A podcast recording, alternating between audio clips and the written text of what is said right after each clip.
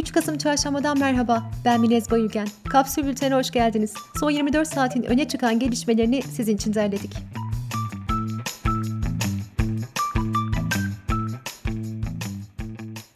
Türkiye'nin aşılama oranı Ağustos ayına göre neredeyse 5'te 1 seviyesine düştü. Sağlık Bakanı Koca yaklaşık 3 milyon kişinin zamanı gelmesine rağmen 3. doz aşısını yaptırmadığını aktardı.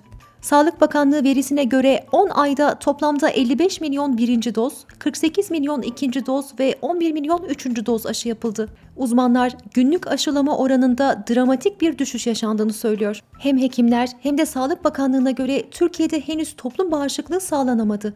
Bakan Koca önceki gün yaptığı açıklamada Türkiye'de iki doz aşısını yaptırmış kişilerin oranının %59 olduğunu aktarmıştı.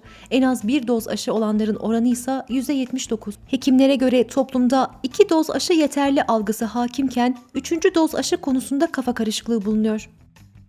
Emniyet, Cumhurbaşkanı Erdoğan'ın sağlık durumuyla ilgili ölmüş etiketini kullanarak sosyal medyada paylaşım yapan 30 kişi hakkında yasal işlem başlatıldığını duyurdu. Cumhurbaşkanlığı İletişim Başkanı Altun, Erdoğan'ın bugün İstanbul'dan ayrılışı sırasında düzenlenen uğurlama törenindeki görüntülerini dosta güven, düşmana korku sözleriyle paylaştı. İstanbul'da hava kalitesinin en düşük olduğu bölgeler Mecidiyeköy, Zincirlikuyu, Bağcılar ve Sultan Gazi oldu. Hava kalitesinin en yüksek olduğu bölgelerse Kadıköy ve Üsküdar. Güçlendirilmiş parlamenter sistem çalışması yürüten 6 muhalefet partisi yürütme ve yargı üzerine ilkelerde uzlaşı sağlandığını duyurdu. Buna göre Cumhurbaşkanı Başbakanın önerdiği ismi bakan olarak onaylamak durumunda olacak. Aynı şekilde Cumhurbaşkanı yasaları bir kere daha görüşmek üzere meclise gönderebilecek. Ancak bu konuda da veto yetkisi olmayacak. İstanbul Taksiciler Esnaf Odası Başkanı Eyüp Aksu'nun İBB'ye açtığı davada taciz suçu işleyen şoförlerin taksicilik yapmasının engellenmesi maddesinin kaldırılması da yer aldı. Yurttaşlar tacizle karşılaşmaları durumunda 153'ü arayarak şikayette bulunabiliyor. Ispatlanması durumunda söz konusu taksicinin şoför kartı İBB tarafından iptal ediliyor. Bu taksici hiçbir arabada çalışamıyor. 2021'de İBB'ye taksicilerle ilgili 100 taciz şikayeti geldi.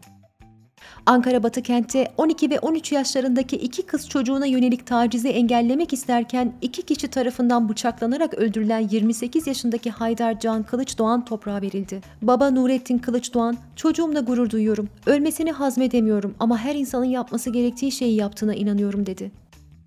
Eskişehir Mahmudiye'de zehirlendiği ihbar edilen 3 köpekten ikisi hayatını kaybetti.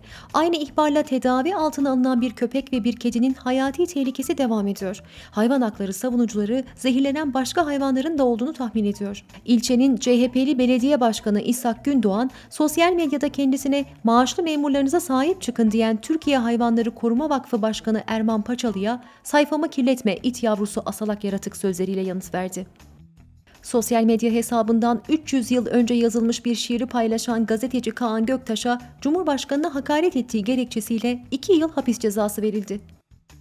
Milli Eğitim Bakanlığı verisine göre Türkiye'de 1 milyon 450 bin öğrenci açık lisede öğrenim görüyor. 675 bin öğrenci ise tamamen eğitim dışında kalmış durumda. 2012-2013'te %98.9 olan ilkokul çağındaki kız çocuklarının okullaşma oranı 2020-2021 eğitim öğretim yılında %93.1'e geriledi. Emniyet, Kobani davasında mahkemenin istediği IŞİD eylemleri bilgisi yerine 2014-2021 yılları arasındaki asker, polis, korucu ve sivillerin yaralanma ve ölüm verisini gönderdi. Tabloda hangi eylemlerin kaçının IŞİD tarafından gerçekleştirildiğine dair bilgi yer almadı. Boğaziçi Üniversitesi'ne atanan rektör Melih Bulu'yu protesto ettikleri için öğrenim kredisi ve bursu kesilen öğrenciler hakkında bir yürütmeyi durdurma kararı daha çıktı. Ankara 4. İdare Mahkemesi polis bildirimiyle öğrenim kredisinin kesilemeyeceğine karar verdi. Haziran ayında en az 100 öğrencinin öğrenim kredisi ve bursu kesilmişti. Dışişleri Bakanlığı 9 ülkenin Türkiye'deki fahri konsolosunu görevden aldı. Görev sürelerinin dolmasına 3 yıldan uzun bir zaman kalan konsolosların görevden alınma gerekçesi ise açıklanmadı. İsrail Büyükelçiliği'nin resmi Instagram hesabından dün Cumhurbaşkanı Erdoğan ve ABD Başkanı Biden'ın görüşmesine dair bir paylaşım yapılmıştı. Paylaşımda Dışişleri F-35'ler yerine iPhone 13 Pro için bastırıyor denmişti. Paylaşımla ilgili Büyükelçilikten açıklama geldi ve hesaplarının hacklendiği öne sürüldü. Birleşik Krallık Parlamentosu'nda Kürtlerin politik temsili ve Türkiye'de eşitlik konulu bir oturum yapıldı. Parlamenter Lloyd Cameron Russell Moyle, İngiltere'nin Türkiye üzerinde oldukça büyük bir siyasi baskı gücü olduğunu belirterek, İngiltere'den Türkiye'ye hatırı sayılır yardım organize ediliyor. Bu konular neden gündeme gelmiyor diye sordu.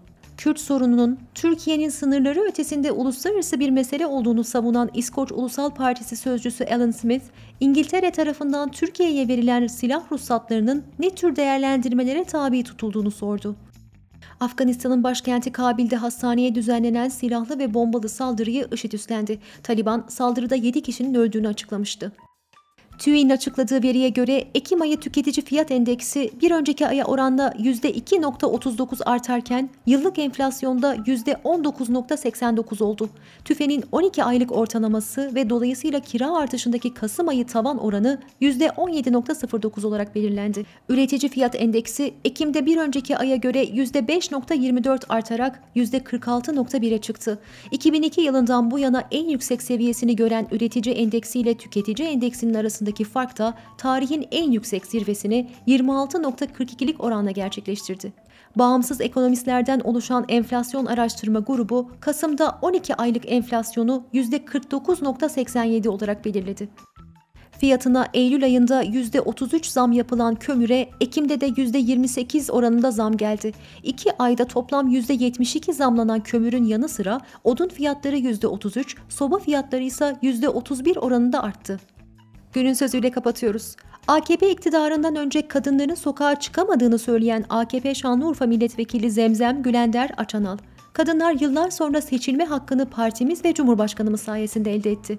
Kapsül'ün e-bültenlerine abone olmak için kapsül.com.tr'yi ziyaret edebilirsiniz. Hoşçakalın.